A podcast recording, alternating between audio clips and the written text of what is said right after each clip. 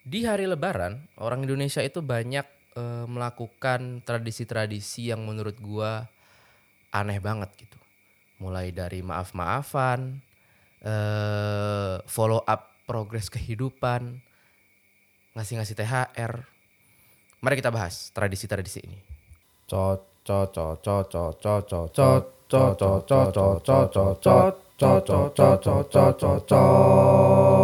Cocot by Besok Kerja Podcast. Eh, selamat datang kembali di Cocot, sebuah segmen di Besok Kerja Podcast di mana gua membahas isu-isu yang sedang hangat di masyarakat, tapi kali ini gua tidak membahas berita-berita yang sedang panas. Tapi berhubung gua eh, record episode ini di tanggal 22 April yang mana ini adalah eh, hari lebaran yang ditetapkan oleh pemerintah. Jadi jadi gua mau membahas tentang eh, kebiasaan orang Indonesia saat berlebaran. Ini gua record jam setengah enam pagi, cuman berhubung gua lebarannya udah kemarin, jadi bodo amat ya gua tidak tidak eh, terburu-buru untuk sholat id dan sebagainya karena gua udah melakukan itu kemarin.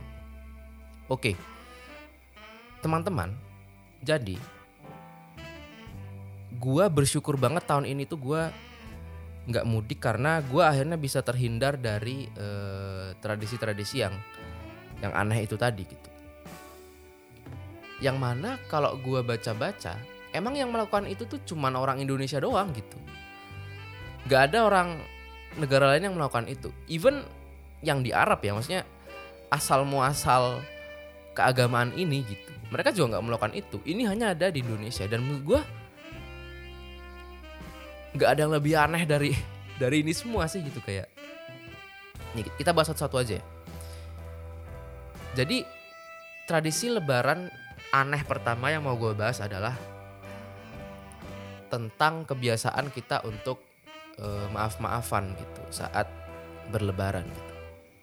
Kan biasa banget kan kita misalnya ketemu orang gitu terus kayak ya maaf lahir batin ya maaf lahir batin ya gitu. Menurut gua tradisi maaf-maafan lebaran ini harus dilenyapkan dari muka bumi ini sih gitu kayak. Karena karena menurut gua nggak make sense. Kenapa nggak make sense? Karena satu, ya maaf itu adalah sebuah kata yang terlalu sakral untuk lu ucapkan begitu saja dan lewat begitu saja gitu. Ngerti nggak maksudnya? Jadi ya kan lu lu ketemu orang terus kayak ya maaf lahir batinnya terus udah lewat gitu kan. Padahal maaf itu kata maaf itu itu tuh kata yang serius banget. Itu kata yang serius banget, kata yang sakral banget. Kenapa? Karena ada orang-orang tertentu yang diharapkan untuk mengatakan maaf, tapi nggak pernah mengatakan maaf itu. Dan menurut gua kalau misalnya itu dijadikan kayak apa ya? Menurut gua tradisi maaf lahir batin maaf lahir batin ini sangat mendegradasi kesakralan kata maaf itu sendiri. Itu yang pertama. Terus kata maaf itu itu tuh sebetulnya nggak bisa berlaku dalam segala situasi. Maksudnya gini, maksud gue adalah ada kesalahan yang emang emang nggak bisa dimaafin aja gitu. Maksudnya karena kata maaf ini jadi jadi murah gitu ya saat lebaran. Jadi ada orang-orang tertentu yang memanfaatkan itu kayak dia tahu nih dia punya kesalahan yang gede banget ke seseorang gitu. Cuman dia memanfaatkan momen lebaran itu untuk kemudian ketemu orang itu dan bilang maaf lahir batin ya nah, nah," dan dia pergi gitu. Without really mean it gitu. Contohnya, contohnya. Contohnya nih eh, misalnya ada orang yang gimana ya? Ya intinya nggak semua kesalahan itu bisa dimaafkan saat itu juga gitu kayak misalnya orang yang ngutang sama lu gitu kayak ada orang ngutang sama lu gitu. Terus di lebaran ketemulah lu sama dia gitu kan. Terus dia dia tahu nih dia ngutang sama lu. Cuman ya dia ketemu lu dan bilang ya maafin ya maaf lahir batin ya dan bla bla bla bla gitu. Ya enggak enggak enggak usah minta maaf bayar utang lu anjing gitu. Maksud gua kenapa lebaran ini jadi ajang ngapus-ngapusin kesalahan? Enggak enggak. Lu masih punya utang dan harus lu bayar gitu. Maksud gua ada kesalahan-kesalahan yang emang nggak bisa lu maafin aja ada. Itu sa- sa- salah satunya yang orang hutang tadi. Terus dosa pemerintah di masa lalu. Enggak, enggak. Eh, apalagi ya? Apalagi kesalahan yang tidak termaafkan. Misalnya misalnya eh, pasangan suami istri KDRT gitu. Ada suami KDRT sama istrinya atau istri KDRT ke suami gitu abis dipukul ini kemarin bakpuk bakpuk terus lebaran kayak ya maaf lahir batin ya maaf. Enggak enggak enggak bisa gitu. Enggak lu lu berubah gitu. Kayak maksud gua lu berubah atau gua laporin ke polisi nih gitu. Maksudnya kenapa kata maaf ini jadi murah banget gitu di hari lebaran ini? Padahal maaf itu sakral banget gitu. Terus ada lagi emang orang-orang yang nggak bisa lu maafin gitu emang nggak bisa aja. Misalnya kayak gubernur Lampung gitu. Anjir lu lihat nggak ada baliho yang itu loh yang gue lihat itu di Twitter lucu banget. Jadi ada baliho gede banget terus ada tulisan selamat Idul Fitri mohon maaf dan batin. Di situ ada gubernur Lampung wakil gubernur Lampung sama ketua Dinkes Lampung. Orang-orang yang lagi dirujak gitu sama masyarakat iya dan ya satu lagi orang yang yang memang nggak bisa dimaafkan itu adalah ketua Dinkes Lampung gitu. Karena ada anak-anak hidrosepalus yang susah banget gitu untuk nurunin ukuran kepala gitu. Tapi orang ini malah gede-gedein gede-gedein kepala gitu. Maksud gua mak- maksud gua harusnya dia minta maaf sih ke anak hidrosepalus gitu. Itu dia yang pertama. Jadi eh eh tadi udah yang kedua apa yang pertama ya? Yang pertama itu adalah kata maaf itu jadi kehilangan kesakralan. Oh benar-benar yang pertama itu adalah kata maaf menjadi kehilangan kesakralan. Yang kedua adalah ada kesalahan yang memang nggak bisa lu maafin gitu.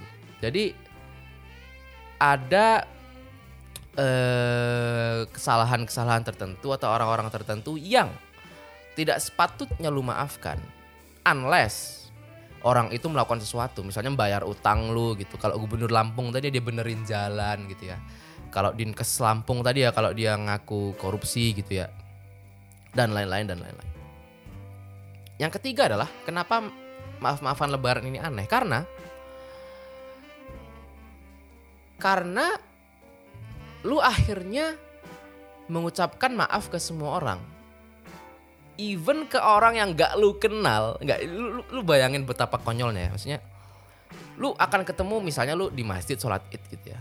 Lu ketemu sama orang yang nggak lu kenal gitu. Lu lu nggak tahu dia siapa lu nggak tahu rumahnya di mana dan apa segala macam. Terus lu ketemu dia lu, lu bilang kayak ya maaf lahir batin gitu. Kayak what the fuck? gitu.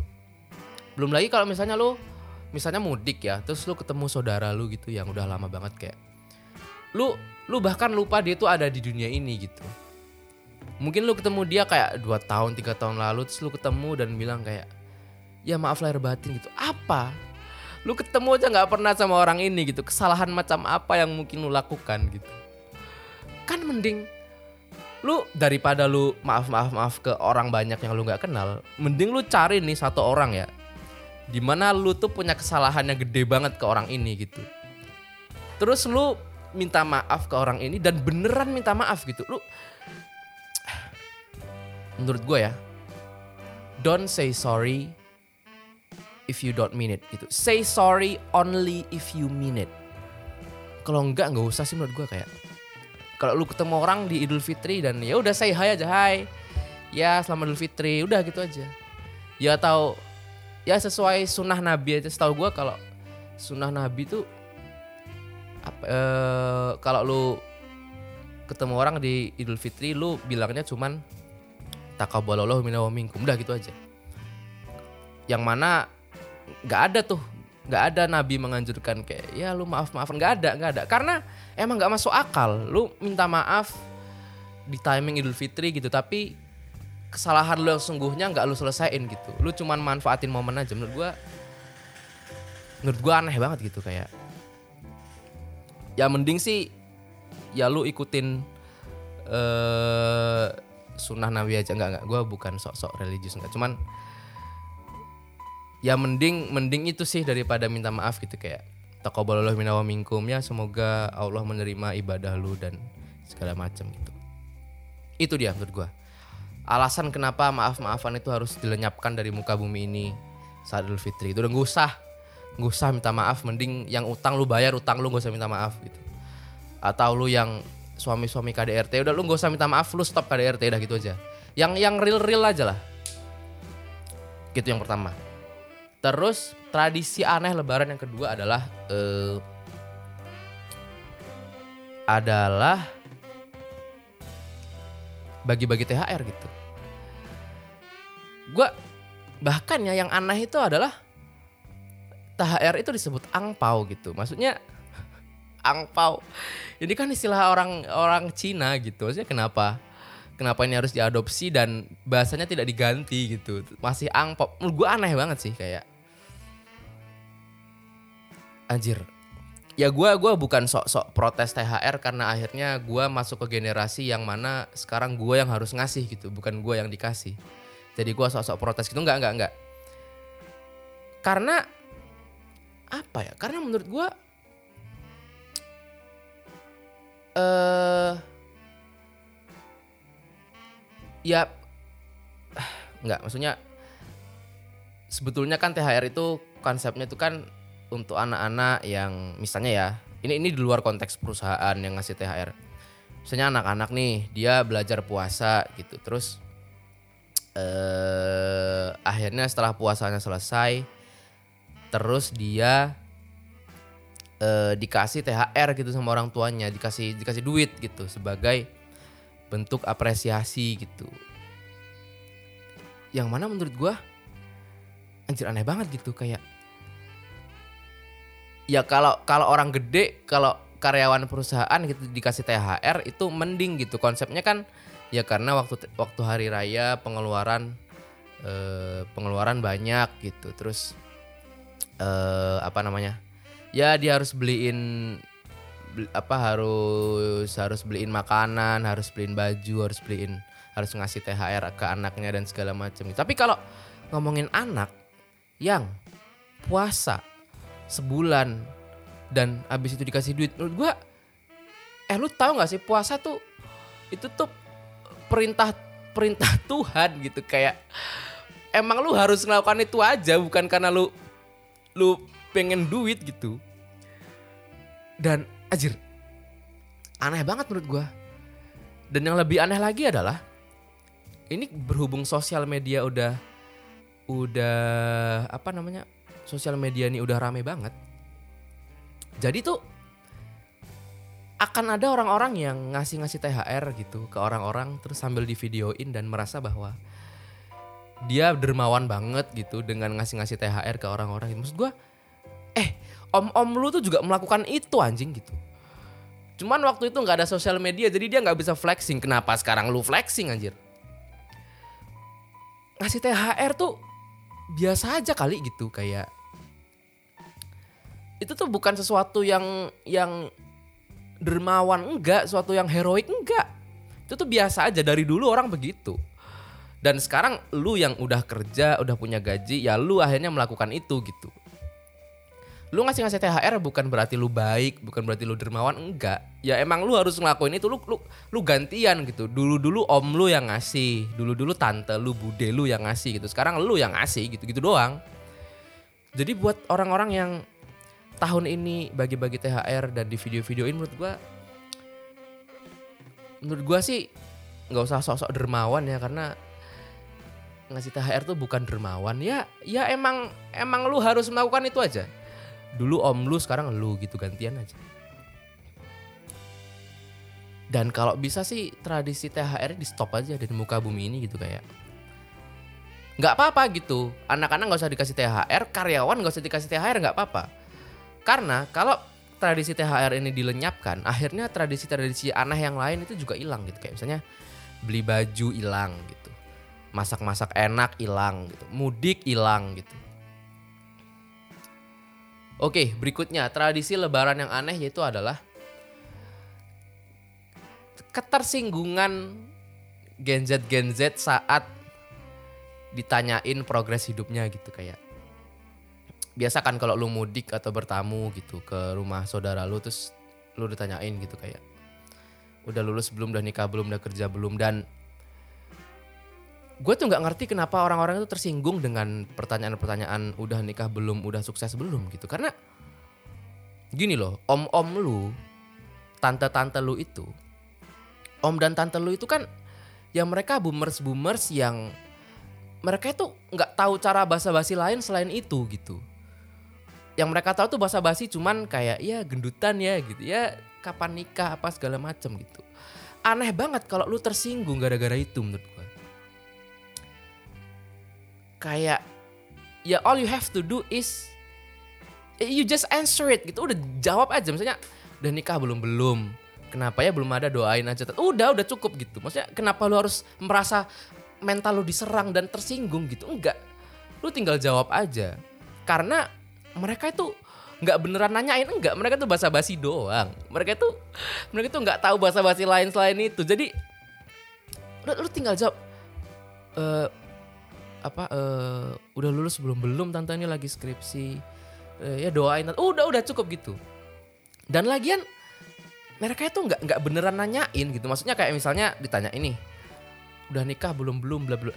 Mereka nggak yang sebulan kemudian kemudian nelpon lu dan gimana udah jadi nikah belum? Enggak. Mereka. Mereka tuh nggak beneran nanyain. Jadi lu nggak usah merasa kayak lu diserang kayak kehidupan lu dicampur aduk. Enggak enggak enggak enggak enggak enggak ada urusannya lu tinggal jawab aja apa adanya udah.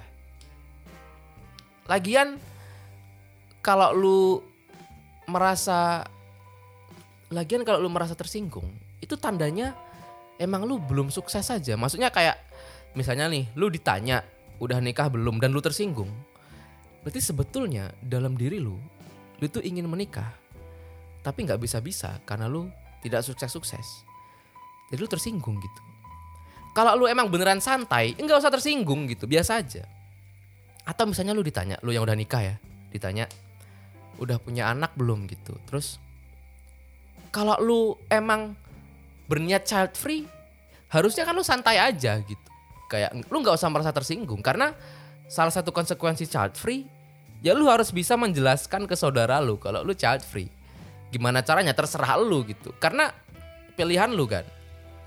Jadi menurut gua nggak usah ya nggak usah sok-sok lu tuh dipentingin sama saudara lu enggak lu tuh nggak usah kegeeran mereka tuh mereka tuh nggak peduli sama lu. Mereka tuh cuman basa-basi nanyain doang karena mereka nggak tahu mau topik yang lain lagi apa gitu.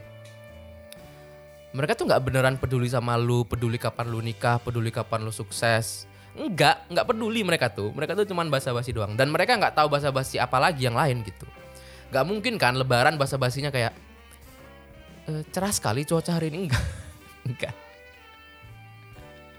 enggak enggak enggak ada. Bahasa basinya ya tanya-tanya gitu udah jadi menurut gua nggak usah lah nggak usah eh, nggak usah merasa bahwa lu tuh adalah pusat dari dunia ini.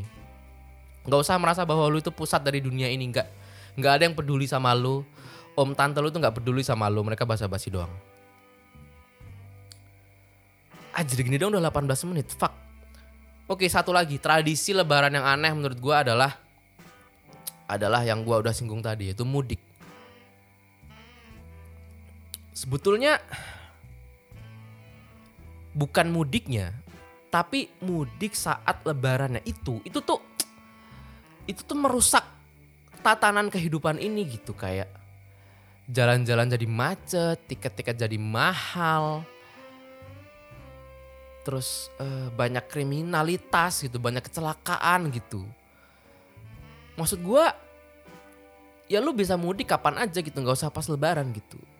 Makanya gue tuh pas pandemi itu adalah menyadarkan gue bahwa anjing, ini adalah kedamaian yang sesungguhnya saat lebaran gitu. Lu cuman di rumah di kos gitu lu berdiam diri kayak nggak ketemu orang dan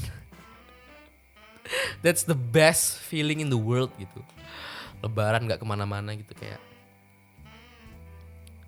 ya intinya eh selamat Idul Fitri teman-teman ya eh Taqabbalallahu minna minkum.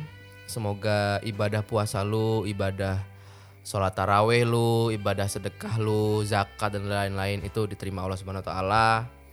Dan satu hal yang gua tuh selalu eh apa ya, selalu percaya saat Idul Fitri itu adalah jadi tuh orang itu sering salah salah menafsirkan gitu bahwa Idul Fitri itu artinya adalah Idul Fitri gitu, kembali ke kesucian gitu. Padahal gue tuh pernah diajarin bahwa sebetulnya arti Idul Fitri itu bukan Idul kembali Fitri suci, bukan. Fitri sama fitrah itu tuh adalah dua kata yang berbeda. Kalau fitrah itu ya kayak lu zakat fitrah gitu, lu zakat untuk mensucikan diri lo gitu. Tapi kalau fitri itu tuh bukan diambil dari kata fitrah, tapi diambil dari kata iftar gitu. Iftar tuh kan berbuka puasa ya, berbuka gitu. Jadi Idul Fitri itu artinya adalah literally kembali berbuka gitu. Lu tadinya puasa nih sebulan, di hari itu lu buka gitu. Udah itu doang gitu. Jadi gak ada kembali berbuka. That's it. Gak ada hubungannya dengan lu kembali suci dan apa enggak. Kalau lu berdosa lu berdosa aja. Kalau lu punya utang ya utang aja bayar utang lu gitu. Maksudnya nggak ada hubungannya dengan kesucian nggak ada. Intinya itu adalah lu puasa sebulan dan Idul Fitri kembali berbuka. Lu nggak nggak puasa lagi di hari itu udah gitu doang. Jadi nggak usah merasa aman, nggak usah merasa sok-sok bahwa lu tuh kembali menjadi bayi yang dilahirkan. Enggak, enggak ada. Dosa-dosa lu yang masih di situ gitu. Dosa-dosa lu masih akan menjebak lu di akhirat kalau lu tidak mohon ampun dan bertobat dan bayar utang-utang lu gitu. Jadi ya intinya ya semoga lu happy lah di Idul Fitri ini. Entah lu yang mudik, entah lu yang nggak mudik, entah lu yang eh, dapet THR atau tidak dapet THR, entah lu punya baju baru atau tidak punya baju baru. Ya intinya Idul Fitri itu adalah momen di mana eh ibadah lu kemarin sebulan ditutup. Nah dan sekarang adalah ujian yang sesungguhnya. Maksudnya kalau kemarin lu rajin ngaji, rajin sholat dan segala macam. Nah kemarin itu cuman tes doang. Realnya adalah ketika setelah ini lu tuh masih kayak kemarin atau lu putus lagi gitu. Kalau lu putus lagi berarti lu fail nih. Tapi kalau lu improve sebagai manusia berarti lu sukses gitu. Apa yang lu lakukan di bulan puasa kemarin. Anjay. Mantap. Oke, itu aja teman-teman buat episode kali ini. Eh, apabila ada kritik dan saran silahkan kirim email ke besokkerjapodcast@gmail.com Besok kerja podcast at gmail.com atau DM ke Instagram at Fatian Pujakusuma at F A T H I A N Pujakusuma. Sampai jumpa di episode selanjutnya. Fatian Hafiz signing out. Bye bye. Cot